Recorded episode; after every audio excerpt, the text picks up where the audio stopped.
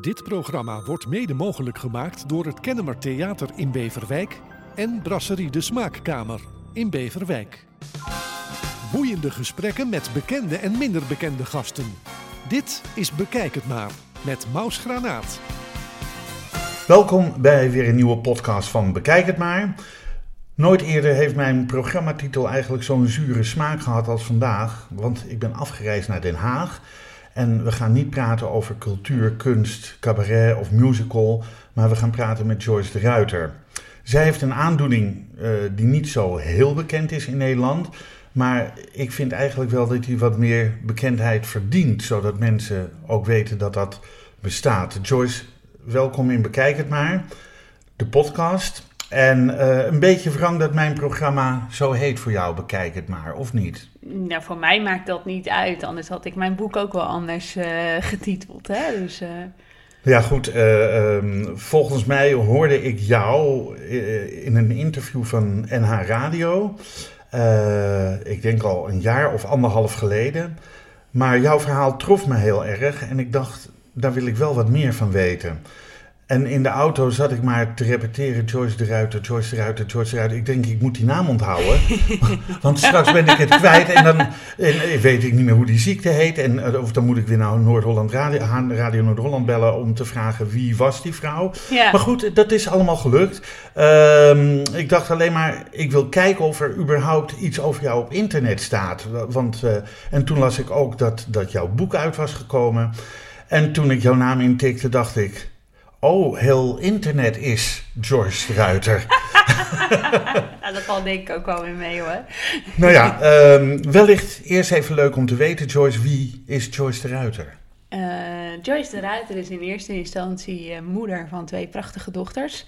Uh, getrouwd met Martijn. En ik woon sinds mijn negentiende vanuit Alkmaar nu in Den Haag. En ik ben ongeveer zes jaar nu fulltime spreker vanuit mijn eigen bedrijf. En ik geef lezingen over verandering en wendbaarheid. Dus hoe je een wendbare mindset ontwikkelt. Met name voor bedrijfsleven, zorginstellingen. Geen persoonlijke mindset, zoals mensen bijvoorbeeld iets heel naars hebben meegemaakt en daar overheen moeten komen. Maar dat blijft maar malen, dan dat kan. En, en uh, mensen in mijn publiek betrekken het natuurlijk altijd op zichzelf persoonlijk. Mhm. Maar ik word het meest gevraagd door bedrijven, zorginstellingen, hoe met verandering überhaupt daar een groeikans in te zien in plaats van alleen maar een bedreiging. En, en dat doe ik vanuit mijn persoonlijke verhaal. Dat is natuurlijk uh, het bruggetje wat jij wilt maken. Uh, ik heb een, een, een, ziekte waardoor ik steeds slechter ga horen en zien. Wat dus ook een continu veranderproces is waar ik in leef. Ja. Ja. Um uit wat voor gezin ben je afkomstig? je hebt nog een broer, Mark, weet ja, ik. ik heb een broer inderdaad, die is drie jaar ouder. Heeft dezelfde ziekte, dat heet het ja. Usher-syndroom. Ja. En, um, en, en, twee ouders. En uh, nou, opgegroeid in Alkmaar. Uh. En leuke oma en opa geworden? Ja, ja. ja. okay. Dat is ook belangrijk, toch? Voor Zeker weten, ja, dat is een wanneer, rijkdom. Wanneer ontdekte je dat er iets met jou aan de hand was? Nou, bij mijn broer is al vanaf de geboorte iets van, hmm, hmm, er is iets, maar we kunnen niet vinden wat. Totdat mijn moeder uiteindelijk zoiets had van, nou, dit kan niet anders dan slechthorendheid zijn. Dus van het kastje aan de muur gestuurd worden, is uiteindelijk met de vuist op tafel geslagen en de juiste onderzoeken gekregen. En uh, bleek dat mijn broer ernstig slechthorend was. En die was toen vier. En, uh, ik dus was... ze hebben vier jaar lopen zeulen.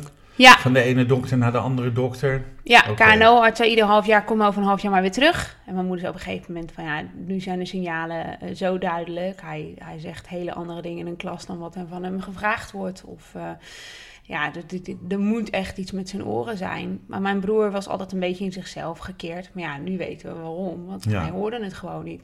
Maar op andere momenten dat je het totaal niet verwachtte, reageerde hij gewoon. En dus het was best wel lastig om te duiden wat het dan is. Toen was er geen internet. Hè? Dus ja, je, nee, dat je, is je ook wereldbeeld is heel anders van weten wat er aan de hand is.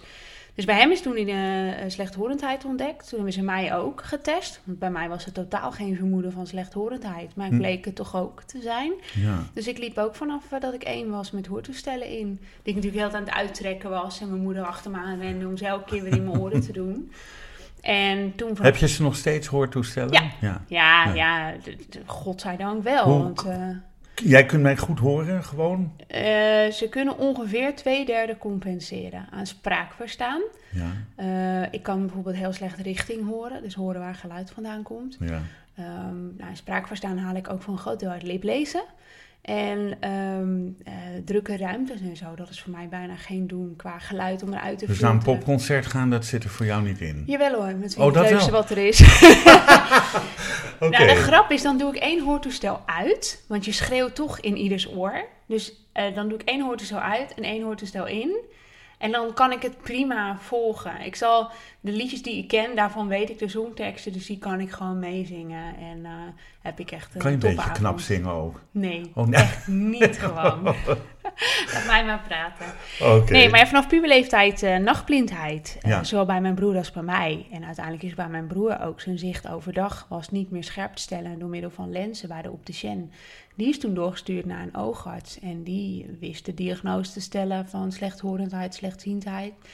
Dan is dat ja, retinitis pigmentosa dan die oogziekte. Ja. En in combinatie met slechthorendheid is dat dan Usher-syndroom. En de, meneer Usher zal dan iemand geweest zijn die dat ooit ontdekt heeft. Ja. Wanneer is het ontdekt, weet je dat? Oh, dat durf ik zo niet oh. zeggen. Al best wel lang geleden. Maar een jaartal, ik heb het ooit opgezocht, maar, maar, is niet maar ik vind het zo raar dat, dat men er zo... Ik, ik kom zelf uit de zorg vandaan. Ja. Daar werk ik al een jaar of dertig in. En uh, nee, langer al 35 jaar. En ik, ik had er ook nog nooit van gehoord. Het kwam niet bekend voor. Of weet ik, sommige dingen denk je, oh, oh ja, oh ja, oh ja. Maar, maar hier ging totaal geen belletje rinkelen. Daarom, daarom raakte dat verhaal van jou mij zo toen op de radio. Um, maar jij was een meisje van 17 toen dat eigenlijk bij jou gediagnosticeerd ja, is? 16. Ja, 16, ja. 16, ja. Wat deed het met jou toen je die diagnose te horen kreeg? Want, want ik heb in je boek gelezen, dat was een apart verhaal. Ja. Uh, want jij moest thuis blijven en ze ging met Margaret naar de... was gesteld bij mijn broer. Bij je broer, ja. En uh, in die periode speelde er van alles dat ze dat... Toen bij mijn broer de diagnose gesteld was, wisten ze al gelijk... Jozef exact dezelfde symptomen en het is erfelijk bepaald, dus genetisch. Uh, Joyce heeft het ook. Maar er speelde toen van alles. Nou ja, daar kan ik heel verhaal over vertellen. staat al in mijn boek dat ze zoiets hadden van joh. We moeten nu eerst heel eventjes een complete beeld krijgen van het ziektebeeld. En ik moest, ze wilden heel graag mij de rust geven dat ik mijn schooljaar af kon maken. en ze hebben het mij in de zomervakantie hebben ze het mij verteld, vier maanden later. Mhm. En ja, ik was continu de hoort op. Ik had een vriendje en ik ging met vriendinnen naar de stad en het strand.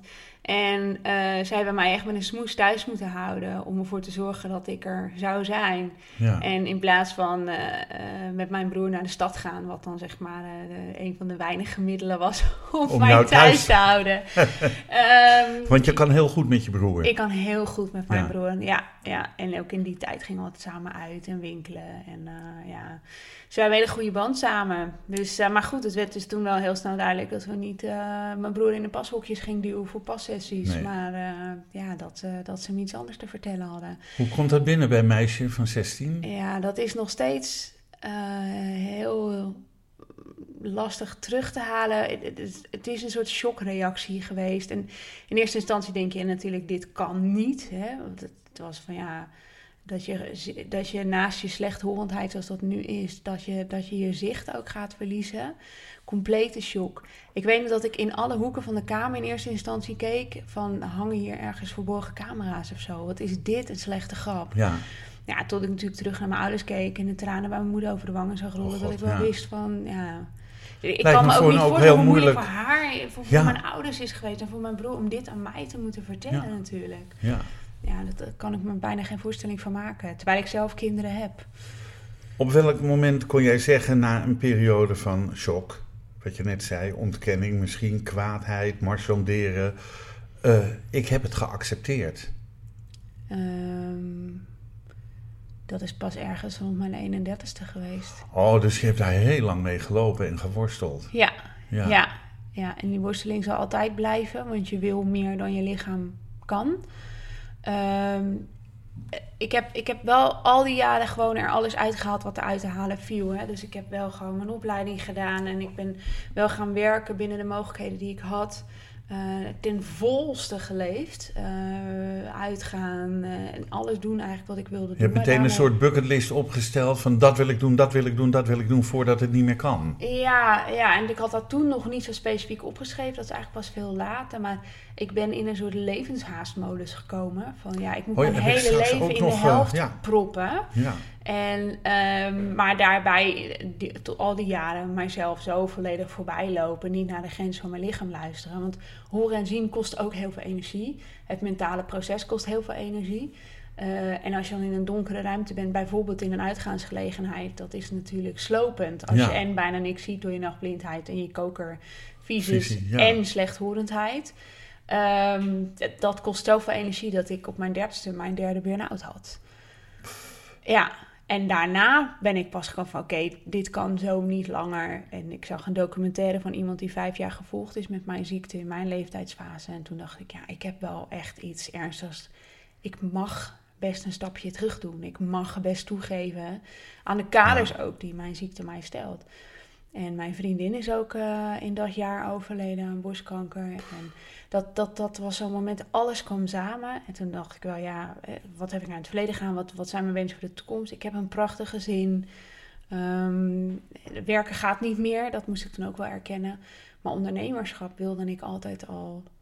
Hey, want je wilde toen, toen je dat hoorde op je zestiende visual, wat was het even? Visual marketing. Visual marketing gaan studeren. Ja, hoe zie je het? Ja, ja alleen de naam al, zeiden de dokters, en dat kan je wel vergeten. Ja, dat was wel een beetje een bizar, uh, bizarre keuze om te maken. Want ja, ik werd blind. Dus hoe kon ik nou visual marketing gaan studeren? En uh, ik weet nog, ik ging volledig op zwart toen uh, die man tegen mij tekeer ging. En mijn moeder zei nog iets van ja, maar er zijn ook mensen die ze had een verhaal gelezen iemand die, die theaterschool had gedaan. Nou ja, en, en ook op een podium had staan totdat hij er vanaf viel. En nu schrijft hij uh, scripts voor toneelstukken. Dus dan kan je toch nog steeds in je werkveld nog steeds iets moois doen. Ja, ja, nou ja, dat, uh, daar had hij eigenlijk niet zoveel tegen in te brengen. Maar hij vond het geen verstandige keuze dat ik dit ging doen. Nee, maar wat heeft een dokter ermee te maken wat jij gaat doen? Ik bedoel, hij is er voor jouw medische kant en ja, om dan gelijk zo'n advies te geven van dat kan je wel schudden, dat, dat vind ik dan ja, een beetje een foute opmerking op zo'n moment. Helemaal mee eens. En, en sowieso als medici moet je neutraal blijven in je mening. Ja. En uh, kun je het ook op een andere manier brengen van heb je wel overwogen uh, dat dit misschien tijdelijk is wat je hiermee kunt doen. Hè? Dan, ja. dan breng je al iets heel anders. Hm. Dan dat je zegt, ja, dat is natuurlijk belachelijk. Uh, ja, het kan ook op een andere manier. Um, het syndroom van Usher. Je zegt Usher en geen Usher. Nee, Usher. Ja, want er staat geen omlaut op, op, op de U. Dus um, dat is een, een, syndroom wat eigenlijk uh, uh, wat minder bekendheid heeft. Ja. Kijk, iedereen weet wat MS is, of ALS is, of kanker, of uh, het syndroom van Down, het syndroom ja. van nou, Gilles de La Tourette, noem maar op. Dat zijn allemaal bekende ziekten en of syndromen. Ja. De ziekte is op dit moment nog niet te genezen. Wordt er veel onderzoek naar gedaan? Uh, ja, ja we, we zijn met een patiëntengroep van ongeveer 1000 mensen in Nederland en 400.000 wereldwijd. Ja, dat maar daarin allerlei varianten, ja. uh, wat het dus nog zeldzamer maakt. En in Nederland is Stichting Usher-syndroom uh, opgericht. Ook in een periode rond mijn 30ste, 31ste dat ik het ook ging accepteren. Dus dat is maar pas dat, ja, dat ja. En, maar dat is ook omdat er toch wel aanleiding was en aanknopingspunten waren om verder onderzoek te doen naar een behandeling. Ja. We werken bijvoorbeeld heel veel samen met Nijmegen, Rappout UMC. Daar zit ook echt het expertisecentrum van Usher-syndroom. Maar we werken ook met, met uh, foundations in Amerika en in Engeland. Er wordt ook onderzoek gedaan in, in, in bijvoorbeeld Scandinavië. Daar werkt ook onder andere het Rapout ook mee samen. Ja, en wij, wij zetten ons met een heel groot team van vrijwilligers. En ik mag er dan officieel ambassadeur van zijn, samen oh, met uh, Machtot Cossé. om het van de daken te schreeuwen dat dit ziektebeeld bestaat. En gelukkig hebben we steeds meer patiënten of, of mensen met Usher-syndroom uh, die, die, die ook hun verhaal echt delen met de buitenwereld. Voor awareness, maar ook bekendheid en, ehm, en donaties te vragen om dat wetenschappelijk onderzoek te kunnen financieren. Ja. Want dat is het nadeel als je zo'n kleine patiëntengroep, relatief kleine patiëntengroep bent. Het kost natuurlijk heel veel geld, die onderzoeken. kost veel geld Ja. en je bent een kleine groep die daadwerkelijk ook weer het geld gaat opbrengen. Dus we zijn ook echt afhankelijk van eh, donaties en fondsen om eh, het onderzoek te kunnen financieren. Je zegt eh, ehm, het Usher-syndroom is eh, genetisch bepaald, het is erfelijk. Jij hebt het en je broer hebt, heeft het. Ja. Ehm, jouw ouders hebben het niet. Nee, maar ze zijn wel drager van dezelfde genmutatiecombinatie. Dus je hebt een hele reeks van Usher-genen. En zij hebben een combinatie van twee mutaties binnen dat, dat Usher-gen, Ja. eh, die reeks. En ze hebben ook nog allebei twee dezelfde. En als je alleen maar drager bent, maar je hebt het niet actief, heb je 25% kans dat je een kind krijgt met Usher. Eh, en mijn broer en ik hebben het allebei. En dat is dus weer heel uniek dat het nergens in de familie actief naar voren komt, voor zover we weten. Ehm, en, en dat, dat dan in één gezin beide kinderen het hebben. Wisten jouw ouders dat zij Nee. dat, dat gen hadden? Nee, nee. Nee, want nee. ze hebben geen klachten natuurlijk. Ze En- hebben geen klachten. En anders hadden we natuurlijk bij het eerste test van slechthorendheid van mijn broer natuurlijk al geweten dat, dat dit het Oh, dat komt zijn. van papa, want dat of Ja, dat. Ja, Ja, Eh, en, eh, en die, die aanleiding was er toen totaal niet. Toen was natuurlijk überhaupt het hele genetische plaatje nog niet eens in kaart en, en binnen de familie van jouw ouders weer. Nee, ook niemand. Wat- wat- Niet niemand dat we weten. Dus je moet net, en dat maakt het ook zo zeldzaam, die twee dezelfde mutaties. Hè? Want je kan 71 hebben en misschien hebben mijn ouders wel, eh, ja, die hebben dan 66 exon, zeg maar, mutatie. Maar je hebt, je hebt er gigantisch veel en dan moet je ook nog precies allebei twee dezelfde hebben. En En dat als dat bij niet. elkaar komt, dan pas is 25, als je het zelf niet hebt, maar je bent allebei drager van twee dezelfde mutaties, heb je 25% kans dat je kind het heeft. dat je kind het heeft. En dan hebben ze in jouw gezin allebei, de kind, niet in jouw gezin, maar het gezin van je ouders, je broer en jij, Ja, die het allebei hebben. ja. Ja, Zwaar voor je ouders, zwaar voor jullie. ja, zwaar. Het is gewoon. eh Maar je bent er je hele leven mee bezig. Dat is, Ja. Het blijft elke dag, Elke, elke dag een- blijf je het voelen. Nou, voelen, zien, ja, de confrontatie is er iedere dag. Ja, En tegelijkertijd wordt het uiteindelijk ook wel weer. Een, dit is ons normaal.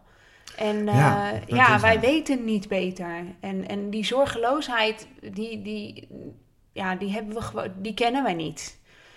Nee, maar daarnaast hebben we natuurlijk wel gewoon gelukkig een compleet en rijk leven, waardoor we dat kunnen handelen. ja. Dus ik heb gisteren bijvoorbeeld een heerlijke stadswandeling met mijn moeder gemaakt en een terrasje gepakt in de zon. Daar genieten wij intens van. Dan staat niet het Ik leven ook in hoor, ik heb van geen Usher. maar Nee, Hè, dus we hebben nog steeds gewoon een normaal leven. Ja, ik heb ja, gewoon ja, twee schoolgaande kinderen en... eh, eh, en je en bent de werkende en- moeder. Ja, en, en Ja. We hebben gewoon, ik ben gewoon moeder en ondernemer. En eh, ehm, natuurlijk met heel veel aanpassingen. Maar inmiddels heb ik iedere keer wel weer een aanpassing moeten doen. Hè. Dus ik kan bijvoorbeeld niet meer fietsen. Nou, dat heeft grote logistieke gevolgen hier in het gezinsleven. Ook met, eh, voor de kinderen. Ik kan ze niet meer brengen, kan ze niet halen. Ik heb nooit kunnen autorijden. Dus altijd een beroep moeten doen op anderen. Ja. En dus, maar dat is voor ons een soort van normaal. Wij weten niet beter. Je moet altijd een beroep doen. Of een, ja, je bent een heel stuk afhankelijkheid. Ja. Onafhankelijk kwijt, kwijt. En moet dat bij een ander. Ja, dat halen, vind ik zoeken. verschrikkelijk. Ja, dat kan ik me voorstellen. Ja. ja. Elke dag Ja. weer hoor. En, en, maar omdat het een soort van normaal is, beheerst het me niet de hele dag. Oké, Ja. dat snap ik. Joyce, maar wat ik ook bijzonder vind is eh, dat je niet bij de pakken bent gaan neerzitten. eh, maar je hebt van je beperking een talent gemaakt. Mag ik dat zo zeggen? Ja, talent gemaakt. Zo'n beperking, dat durf ik zo niet te zeggen. Nou ja, ik bedoel, sommigen die kwijnen weg in, hun, in, in, in de ziekte of de beperking die ze hebben. Mhm. Eh, maar je hebt mensen zoals jij die daar boven gaan staan en naast die beperking of handicap wat anders. Zie je het als een handicap of zie je het als een beperking? Wat, wat, eh, Ja, ik vind een handicap altijd een rot woord. ja, dat is het ook. Ja, een beperking, uitdaging. Ja, het, het is maar net... eh, Kijk, als je het uitdaging zegt, vind ik het alweer positief. Ja, je het is ook gewoon een keiharde beperking. Laten Ja, we heel is- eerlijk zijn. ja, dus, eh, maar ja, ehm, eh, ik zeg wel heel vaak, joh, ik ben slechtziend dus, of door mijn slechthorendheid. Dus ik zie mezelf als een slechthorend en slechtziend persoon. Dus beperkt in horen en zien. Toch een beetje beperking. Maar je bent niet bij de pakken gaan neerzitten. Eh, je hebt ook een, een, een boek geschreven. Daar komen we, komen we straks nog in, op. Waarin voel je je het meest beperkt? En, en hoe ver is het op dit moment met jouw eh, zicht en met je gehoor? Mijn gehoor Nou, het zijn twee vragen. Ja, In ik kan ze met elkaar Ja, combineren vertel. Mijn gehoorverlies is, is eh, zeker 70 decibel nu. Dus dat moet je je voorstellen dat ik alleen een paar lagen in een hele lage toon, als die hard genoeg is, kan horen. Kan hem niet verstaan. Dat is iets anders. Dus ik kan bijvoorbeeld zonder hoor te stellen in horen dat mijn man aan het praten is. Want die heeft ook een hele lage stem. Maar kan hem niet verstaan. Kan er geen kaas van maken. Eh, dus ik hoor dat er geluid is, maar nou ja, ik kan daar niet mee functioneren. Nee. Dus met hoortoestellen in is dat ongeveer zo'n twee derde. Daarnaast is mijn zicht, nachtblindheid extreem. Dus echt bij lichte schemer klapt echt letterlijk mijn, mijn koker nog meer kleiner dan die al was. Hoe zie jij mij nu? Al Als ik, Ja, overdag, hè, als alle lichtcondities optimaal zijn, heb ik een koker van nou 15 graden. Was eerst nog 20 graden, maar ik moet nu toch wel herkennen dat die alweer kleiner is geworden. Ehm, dat is kleiner dan een wc-rol. En ik heb nog heel ergens aan de zijkant, eh, aan de buitenkant, nog een soort half maandje, periferie, waar ik iets van licht en kleur kan waarnemen. Maar dat is heel hard aan het weggaan, eh, zie ik in de jaarlijkse testen die ik doe.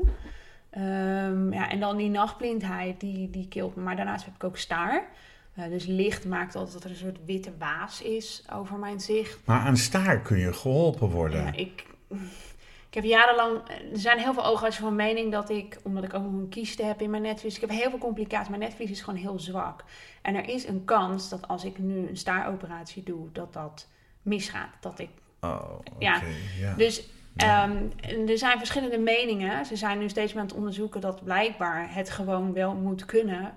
Maar ik heb dan toch nog steeds iets te veel te verliezen. Dus eh, ik ben al een jaar aan het wikken en wegen. Ga ik het doen of niet? Een staaroperatie. Want ja. wat ik zeg, ik heb te veel Want ze kunnen dat met laser toch ook eh, behandelen. op- ja, op- maar door je op, ooggevoeligheid voor licht kan het zijn dat de laser... Nou, er zijn hele goede gespecialiseerde mensen in ehm, die de, dat dan allemaal weer rekening houden met bepaalde randvoorwaarden, die Hm. dan de kans kunnen beperken op een complicatie. Maar dat is gewoon doodeng. Pa- dat- Ja. ja. ik kan me het voorstellen. Ehm,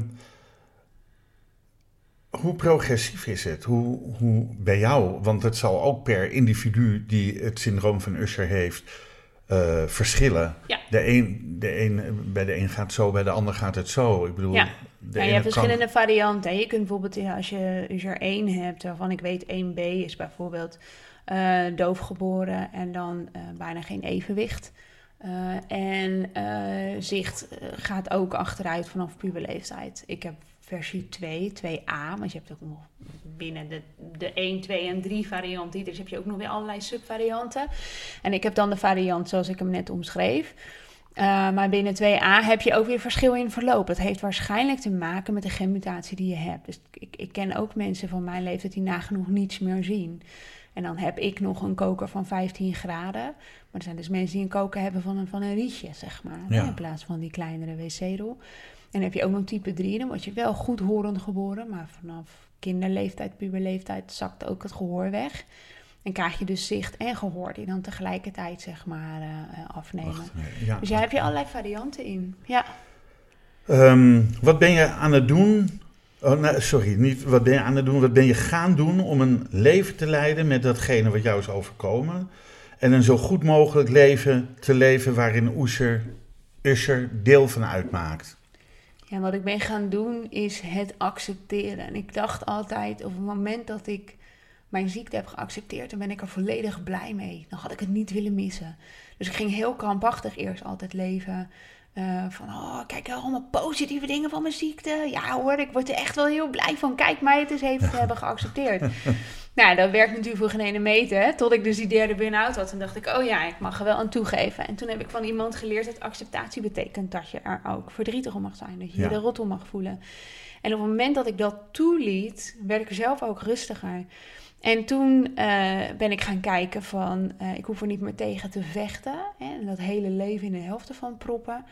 En ik ga kijken, oké, wat gaat niet meer? Dat accepteren. Dus ik mag me daar rot om voelen, maar het is wat het is.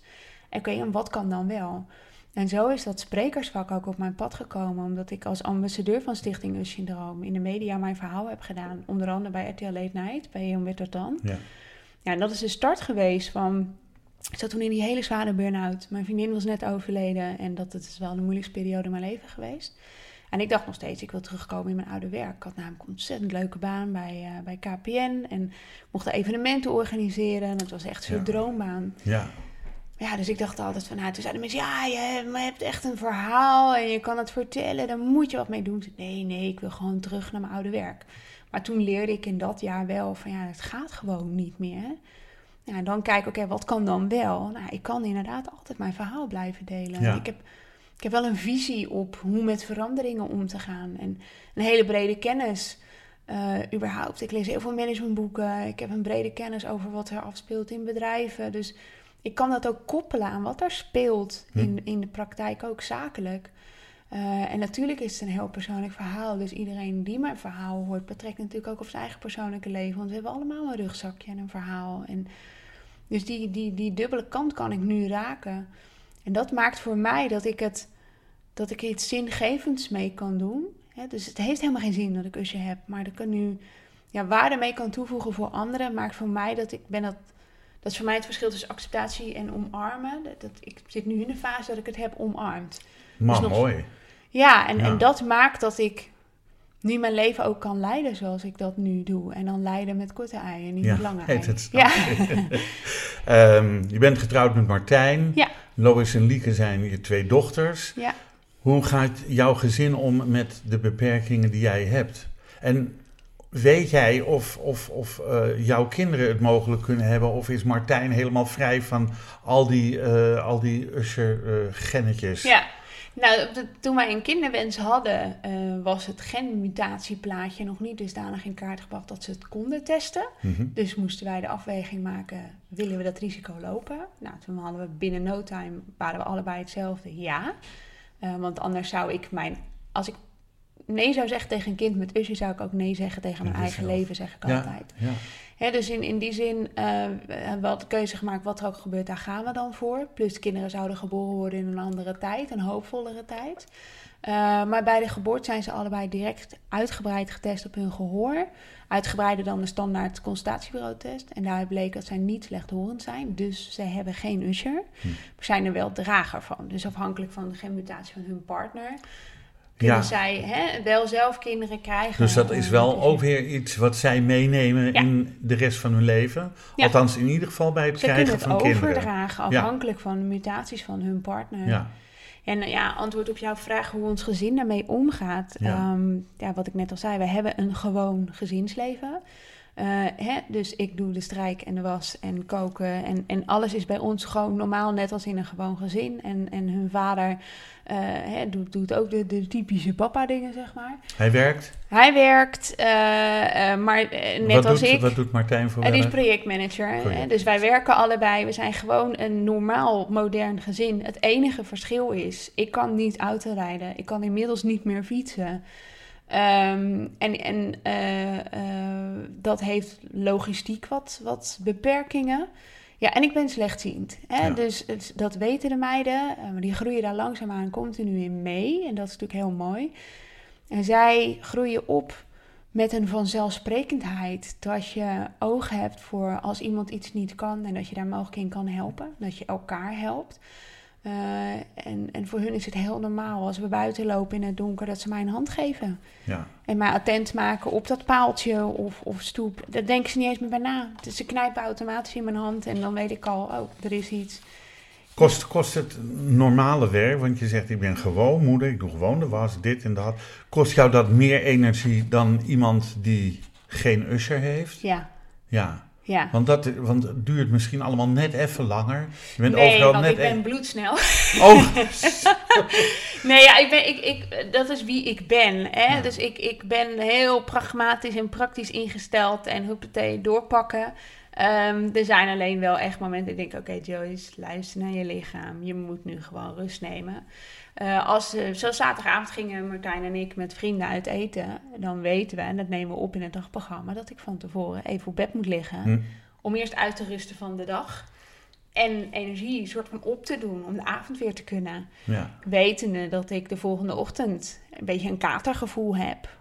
Maar dan ga ik juist sporten, omdat ik weet dat ik daar energie van krijg. Dus ik moet heel bewust voor mezelf zorgen en een rustmomenten pakken. Maar dat en is ons dan een, een, powernapje van 10 minuten? Of zeg je, ik moet echt twee uur op bed liggen om de avond dan aan te kunnen? Dat ligt eraan wat voor week ik ook heb gehad. Oh dus ja. als ik een hele drukke week heb gehad met lezingen en ik merk dat ik eh, dat me dat ja, te veel een jasje uit heeft laten doen, dan weet ik dat ik eigenlijk gewoon de hele middag bij wijze van mijn rust moet pakken of, of iets rustigs moet gaan doen.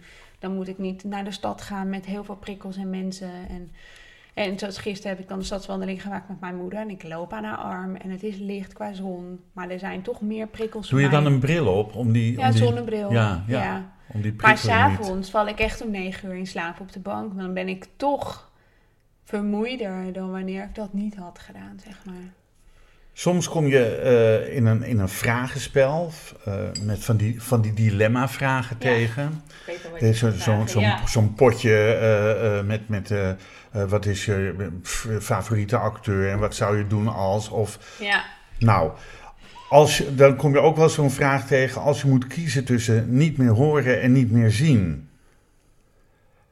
Ik zou het niet weten. Ik kan vreselijk genieten van muziek en ik kan Ja. enorm genieten van een balletvoorstelling of van eh, iets anders cultureels. Ja.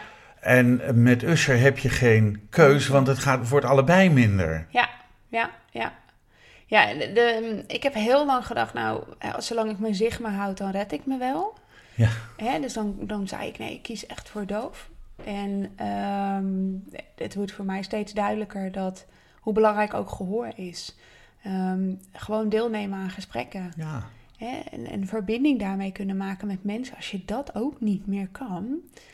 Ehm, dus ik kan nu ik kan letterlijk niet kiezen. Eh, niemand heeft natuurlijk een keuze. Want Nee. Dat zou natuurlijk ook een beetje raar zijn. Maar ik, ik weet het echt niet meer nu. Nee.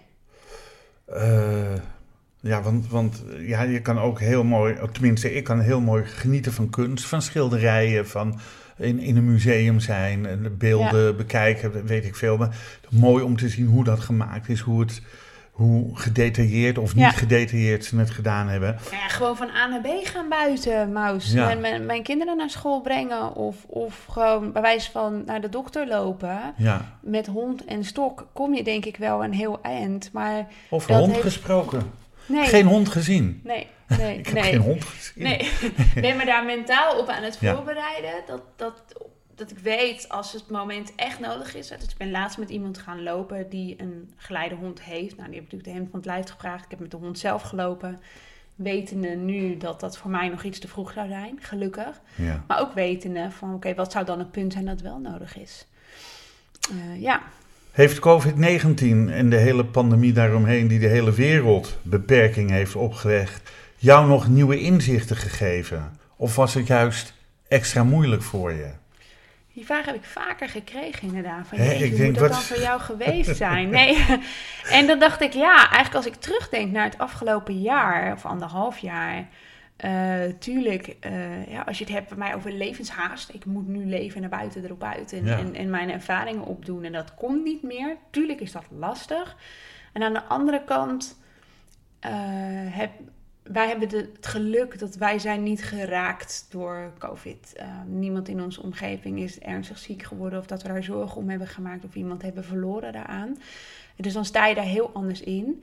Uh, en, en ik heb dit vooral de, de, de dankbaarheid en het besef dat we een fijn huis hebben om in te leven. Zeker. Ja. Uh, dat twee meiden gewoon hun thuisonderwijs konden krijgen en dat gewoon goed hebben kunnen doen. Mijn bedrijf heeft gewoon doorgelopen. Ik heb webinars ontwikkeld, ik heb mijn eigen studio aan huis uh, gemaakt.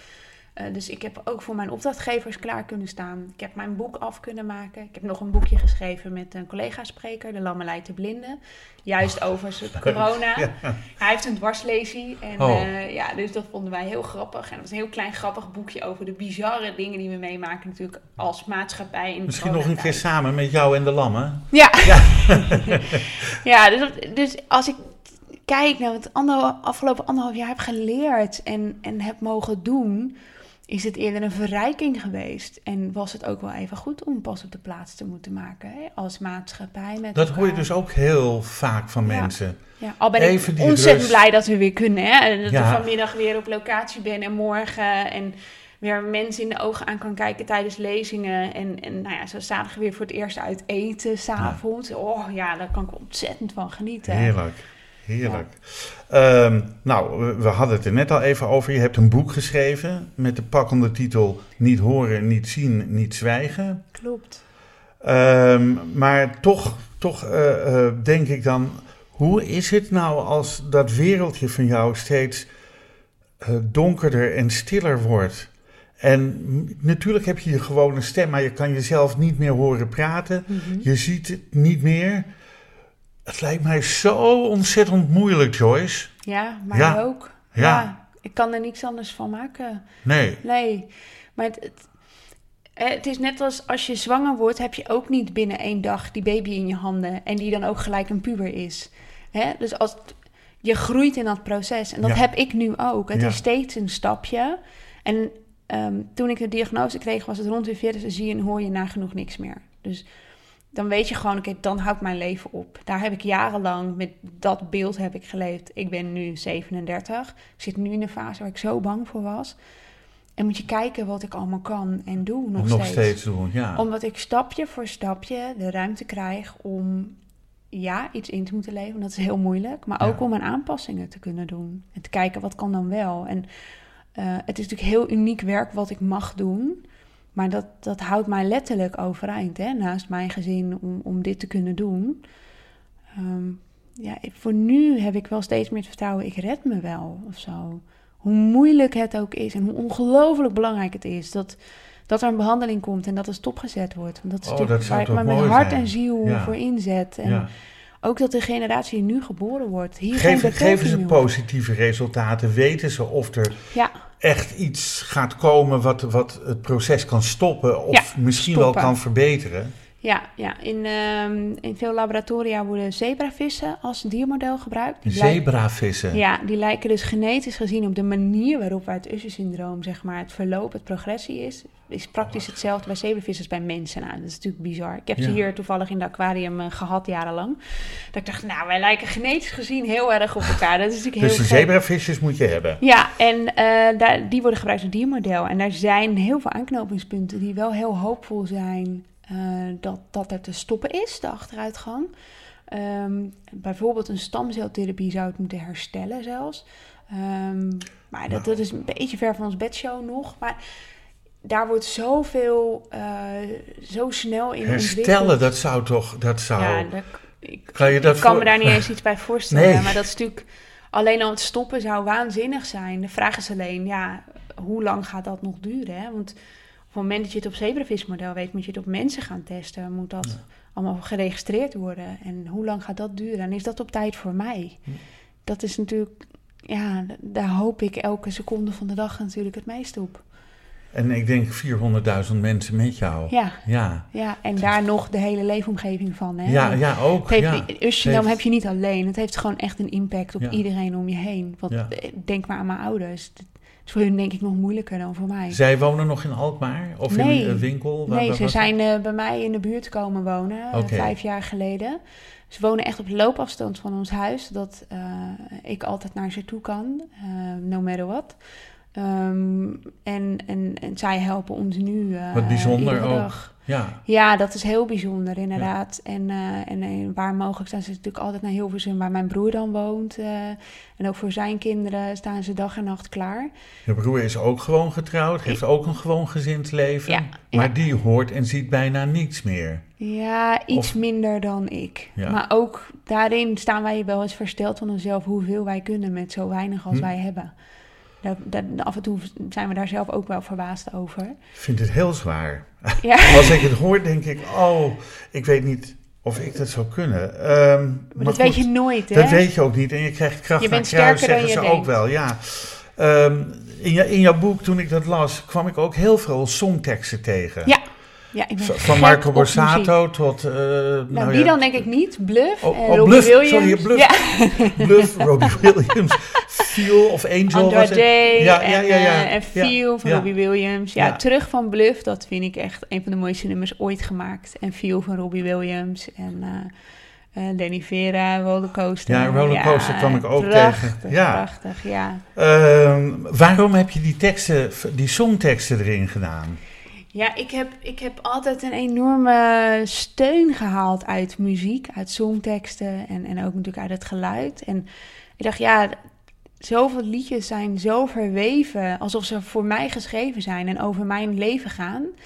En ik dacht van ja, ik haal heel veel steun ook uit als ik een, een slechte dag heb, om dan bijvoorbeeld een- zo'n playlist te draaien. En ik dacht, misschien kan ik mensen inspireren om, om dat ook voor zichzelf daar een steun uit te vinden. Ja. En ik wilde niet een boek met alleen maar letters, ik zie ook foto's. Dus het is een heel persoonlijk verhaal. Zeker, want ik heb het gevoel mij. alsof ik je hele familie ken. Ja, Bijna. ja. Hoe is het met Mark? Hoe gaat het met Martijn? heel, heel kwetsbaar om dat Ja, te ja, doen. Maar ik, ja. ik voelde echt de behoefte om, om je daar echt in mee te nemen. En hoop ik je ook te inspireren. Nou zeker, dat, eh, want het is, ik vind het een heel warm geschreven boek, als ik het zo mag zeggen. Dankjewel. Ehm, in je boek schrijf je ook een verhaal ehm, dat je met zonlicht wakker wordt voor je dertigste verjaardag, dus inmiddels zeven jaar geleden. En er zit een waas voor je ogen. Kun je daar wat over vertellen? Ja, ik werd 's ochtends wakker en eh, ik denk, oh, er zit een vuiltje of zo in mijn ogen. Even wat slaap, even uitwrijven. Ja. En die ging maar niet weg. En eh, ik was met mijn dochtertje bezig en ik denk, nou, het gaat niet goed. Dus blijf die waas zien. Wat is dat toch voor raars? En eh, ja, toen had ik wel zoiets van, hm, dit vertrouw ik niet. En toen ben ik naar de opticien gegaan die ook optometrist is. En die zei van, ja, je hebt staar. En dat is, dat is altijd een heel keerpunt in je ziekteproces. Want bij Usher is het dus bekend dat je op jonge leeftijd staar krijgt. Maar dat is ook een hele agressieve vorm van staar. En die beperkt je zicht nog meer. Dus wat je hebt, wordt dan ook nog eens vertroebeld. En kleur wordt veranderd. En contrast van, van wat je ziet. Ja. Eh, dus dat was een heel confronterende klap. Van ja, ik kan nu wel mijn kop in het zand steken. Dat, het, eh, hè, dat ik deze ziekte heb en ik ga gewoon door op eh 200%. Maar dat zijn, allemaal, dat zijn elke keer van die klappen die je hebt. Incasseren van die reality checks. Je kan wel doen alsof niks aan de hand is. Maar daarom het gaat wel degelijk of verder. staar is te verhelpen, maar nog niet met de gevoeligheid van jouw ogen. Het is te verhelpen. Heel veel mensen met Usher is het ook verholpen. Alleen ik heb dan net weer de pech dat ik nog een extra complicatie heb in mijn netvlies. Een kieste, waardoor Ja. hij nog zwakker is. En die kieste kan niet verwijderd worden? Nee, ik zit al aan de oogdruppels en dan wordt hij wel iets kleiner, maar hij gaat niet weg. Hm. En er is nog steeds geen garantie dat er een complicatie gaat zijn, maar die kans is er, ja. En dan hou je dus, wat heb je te verliezen? Ja. En eh, kun je dat risico lopen? Martijn is eh, je grote liefde en jullie Mhm. kunnen samen de wereld aan. Zo schrijf je het in je boek. Ja. Eh, bij Dankwoord was dat volgens mij. Ja. Hoe doen jullie dat? Hoe kunnen jullie samen de wereld aan? En hoe sterk is jullie band? Ja, dat is altijd. Wij zijn zo op elkaar ingespeeld. En, en het mooie is dat we dat ook zien van onze omgeving. Hè? Van jullie zijn echt rock solid samen. Mhm. En eh, ehm, kijk, ik weet, Martijn is er onvoorwaardelijk voor mij en accepteert me zoals ik ben en ik hem zoals hij is. En ehm, wij zijn echt een goed team. En ook als het niet goed gaat, hij staat gewoon vierkant, ja, niet eens achter me, maar naast me. En als het moet voor me. En ehm, ja, je weet het gewoon, we hebben zulke zware beproevingen gehad wat mijn ziekte betreft. Ja, en, en, en we komen daar alleen maar sterker uit samen. Al hebben we natuurlijk ook onze hobbels, hè. Want ik heb het ook heel lang moeilijk gevonden om toe te geven dat het niet meer gaat. En eh, eh, angst dat ik zijn leven beperk of wat dan ook. En, Ja. Kun je ook jaloers zijn op, verdomme, hij kan wel auto rijden. Oh, hij gaat daar nee, naartoe. niet Ik- jaloers. Nee. Nee. niet jaloers. Nee, Maar- want ik gun hem echt de wereld. Ja. Ik, ben nooit, ik ben niet jaloers op andere mensen. Wat, wat ik wel moeite mee zou hebben is als iemand heel erg in een slachtofferrol kruipt. Ehm, en, en niet ziet wat hij allemaal wel heeft. En dan alleen maar zielig doet. Terwijl ik denk, nou, ik zou moord doen voor jouw probleem in Ja. het leven. Geef mij is- zulke problemen. Soms zeg ik dat wel eens. En, maar dat, dat is alleen als iemand echt in een slachtofferrol kruipt en ik voor kiest om, om daar niet uit te gaan. Dat, daar zit mijn enorme allergie. Hè. Heel passief ook zijn. Ja. Ehm, maar ik, ik zeg nooit van eh, wat ik heb is erger of oh, dat, eh, ik ben jaloers of zo. Nee, ik gun iedereen het beste. Ja. Natuurlijk, ja. Eh, maar ik, ik, vraag me toch af, zijn, is er voor jou wel eens een moment, of misschien zijn er wel meerdere momenten geweest dat je het echt niet meer zag zitten? En dat, waar haal jij dan de kracht vandaan om weer uit dat dal te klimmen en er weer bovenop te komen? Kijk, als op een gegeven moment je zo moe bent en je je bed niet meer uit kan, uh, je weet dat je vriendin binnenkort gaat overlijden, uh, je voelt een beperking voor het leven van iedereen om je heen. Ja, die, tuurlijk heb ik die hele zwarte hmm. periodes ook wel gehad. Uh, toch weet ik, omdat ik kinderen heb, weet je, elke keer heb je wel weer de push van ja, weet je, ik leef voor hun en, en daar doe ik alles voor. En uh, ik kan wel heel snel weer zien wat er nog wel is. Hè? En de schoonheid van, van, en de waarde ook van de hele kleine dingen in het leven gewoon wel ja. blijven zien. Um, dus bij de pakken neerzitten. Ik heb, ik heb wel momenten dat je met je hoofd onder de deken wilt liggen. Uh, Als je geen kinderen gehad zou hebben, zou, zou dan die overlevingsmodus anders zijn dan Oeh, nu? Jeetje, mooie vraag.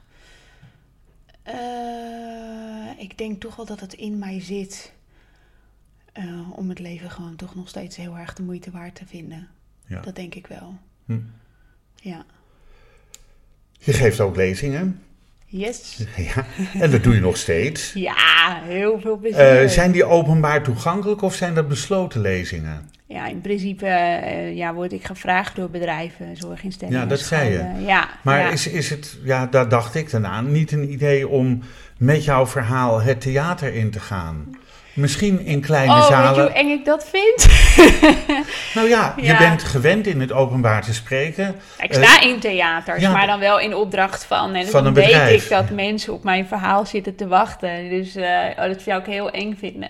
Ja, wie weet komt dat ooit wel. Maar dan met leuke verbindende teksten. En uh, ja. ik bedoel, als, als je dat leuk maakt, dan... Ja, kijk, ik werk ook samen met een zangeres die dus stukjes ja. van die liedjes zingt uit mijn boek in ja. mijn verhaal. Dat is natuurlijk prachtig. Welke zangeres is dat? Je mag het noemen. Uh, Hiske Bongaard. Hiske Bongaard, wie kent er niet? Prachtig. Ja. ja. Dus, uh, en uh, neem een gitarist mee. Nou, dat is echt kippenvel, huizenhoog. En dan krijgen we wel steeds vaker terug, joh, je moet hier echt mee het theater Ja, dat... In. dat dus wie weet. Nou, ja. maar met, met de show niet horen, niet zien, niet zwijgen. Ja. Die titel, die pakt een hoop mensen. Ja. En nou ja, het is, het is een, een vertelling met, met muziek en, en zang. Ja, nou wie weet, Maus. Kom je bij mij op de première, oké? Okay? Ja, zeker. Dat, nou, dat ga ik zeker. En dan maken we ook weer een podcast daarover natuurlijk. Want dat is eigenlijk mijn, mijn, mijn stiel uh, over kunst, cultuur, ja. wetenschap. En ik vind dit wel een klein beetje onder wetenschap horen. Um, uh, wat staat nu op dit moment bovenaan jouw bucketlist? Um, een Wat paar dingen tegelijk. Ja, ja. gooi ze eruit. um, ik, ik heb natuurlijk mijn grote wens om het vervolg te schrijven op uh, Niet Horen, Niet Zien, Niet Zwijgen. Daar ben ik in mijn hoofd mee bezig. Er liggen wel wat teksten, maar ik moet gewoon echt tijd vrij blokken om daar goed voor te gaan schrijven. Dus dat is een wensenlijstje van mij. Uh, een TED-talk geven in Amerika. Een wat? Een TED Talk. Ja, oh, een TED-talk. TED-talk. Ik weet ja, wat een pep-talk is, nee, maar een TED, T-E-D. TED Ideas Word Spreading. Dat is wel de heilige graal voor de okay. sprekers in de wereld. Ja. En, uh, en die heb je in Nederland. En dat wil ik natuurlijk heel graag doen. Dat is natuurlijk door corona is, is, is mijn TED-talk toen niet doorgegaan. Uh, maar als je het hebt over ultiem, dan is dat natuurlijk in Amerika de originele TED-talk geven. Ja, ja en, en Um, dit zijn grootste dromen. Maar ik, ik, ik word on, intens gelukkig van naar een concert gaan met mijn vrienden. Bijvoorbeeld naar Vrienden van Amstel Live. Ja. En, en, dat ieder jaar mogen doen. En daarin eerden we het overlijden van, van Anna, onze vriendin. Ja. Um, uh, daar hebben we een heel verhaal achter zitten. Maar wat mij zo gaaf lijkt, nou, is een keer tijdens zo'n concert... Langzaamaan, langzaamaan, ja. um, wat, wat, wat ik artiesten wel zie doen, is dat je met zo'n kabel over publiek heen vliegen tijdens een concert. Ja. Dat lijkt mij zo tof. Ik oh. heb dat ooit een keer, toen dacht ik, Oh, dat. Ja, ik zoek altijd wel iets van adrenaline op. Ja. En mijn dochter wil nog een keer met mij uit een vliegtuig springen. En ik heb gezegd, ja, voor je Nou, met een 18e parachute hoop Ja, ik. ja, ja. Want zo klinkt het zo. Mijn dochter wil nog een keer met mij uit het vliegtuig springen. Ja, nee, denk, met oké. parachutes, met een begeleider. Ja, Dus dat een dubbelsprong. Ja, tegelijkertijd ook gewoon de kleine dingen, dit gezinsleven, zo normaal mogelijk kunnen leven. Hm. En, en met elkaar op vakantie kunnen en eh, eh, thuisrestaurant met de kinderen en een spelletje doen. Weet je, die, gewoon die kwaliteit met elkaar is tegelijkertijd minstens zo waardevol.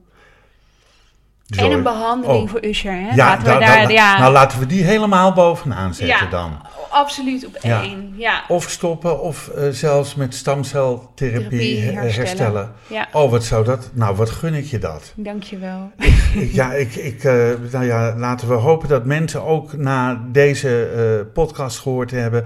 ehm, eh, het gevoel krijgen dat ze iets willen overmaken of doneren aan eh, Ja. de Usher Stichting. Dan mag je zo direct, oh, noem het maar eigenlijk. Het is eh, op ushersyndroom.nl. U-S-H-E-R syndroom.nl. En, eh, En daar vinden ze alles er over gelijk Usher bovenin, ja, een hele doneren. databank en ook de knop doneren. Ja, Oké. Ehm, eh, databank, denk ik opeens. eh, je hebt eh, een hele hoop databanken. Je hebt zelfs een spermabank. Is, nee, luister. Nee, nee ik, Ja. wat ik wil zeggen. Is er ook een databank dat mensen hun stamcellen kunnen doneren voor. eh, eh, vast. Maar Ten daar behoeve durf ik van dat- helemaal niets over te Oh, zeggen. oké. Nee, hoe dat zit, dat, dat, dat zit meer vanuit onderzoeksinstituten. Dat dat...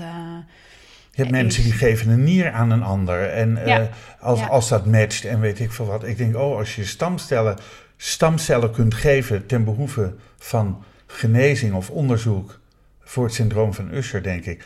Wauw, dat zou natuurlijk ook Ja. enorm kunnen helpen. Ja, maar dat zal via de laboratoria eh, gaan. We zijn dat natuurlijk nu op zebravismodel aan het testen. En, en op het moment dat dat nodig is...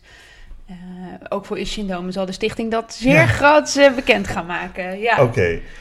Wat zou jij eh, jonge mensen zonder beperkingen willen meegeven die niet weten wat ze met hun leven moeten, de hele dag zitten te gamen of op hun telefoontje zitten? Wat zou je die voor, voor advies of raad willen geven? En dan kom ik denk ik op mijn eigen mantra uit. Ehm, en dat is dat je niet het slachtoffer kunt zijn van de verandering, alleen van jouw houding. Heel mooi. Dat vind ik mooi. Laat ze dat in hun oren knopen. Nou, Joyce, eh, zijn er nog dingen die je kwijt wil? Heb je zelf een website? Hoe kunnen mensen jouw boek bestellen? Eh, mijn website is joycederuiter.nl, gewoon met UI, heel Ja. simpel. En, Ja. en daar staat alles op. Eh, dingen in de media, als je meer verhalen wilt horen. Eh, natuurlijk ook een link naar, de, naar mijn boek, naar de uitgeverij. En ehm, eh, ja, met name ushersyndroom.nl, dat eh, vind ik een hele belangrijke. Is Ja. het, dat, dat is het ook. Ehm, wil je zelf nog wat kwijt? Ben ik iets vergeten te Zou ik niet vragen? weten. Goed, Mooi gesprek. dankjewel. Dan wil ik jou, Joyce de Ruiter, enorm bedanken voor je gastvrijheid hier in Den Haag. En je heel veel succes, moois en laten we zeggen herstel en stop van Usher toewensen. En eh, ik hoop je inderdaad op de première van je eerste theatervoorstelling. Nee, geen voorstelling. Een theater. Een theater. Daar gaan we nog over praten wat Ja. dat gaat worden. Nou, in ieder geval, deze podcast wordt uitgegeven door de Vrijstaat Roots. Alles is na te lezen via www.bekijkhetmaar.com. En bedankt voor het luisteren. En wat mij betreft weer heel graag tot de volgende podcast. Dit programma werd mede mogelijk gemaakt door het Kennemer Theater in Beverwijk en Brasserie de Smaakkamer in Beverwijk.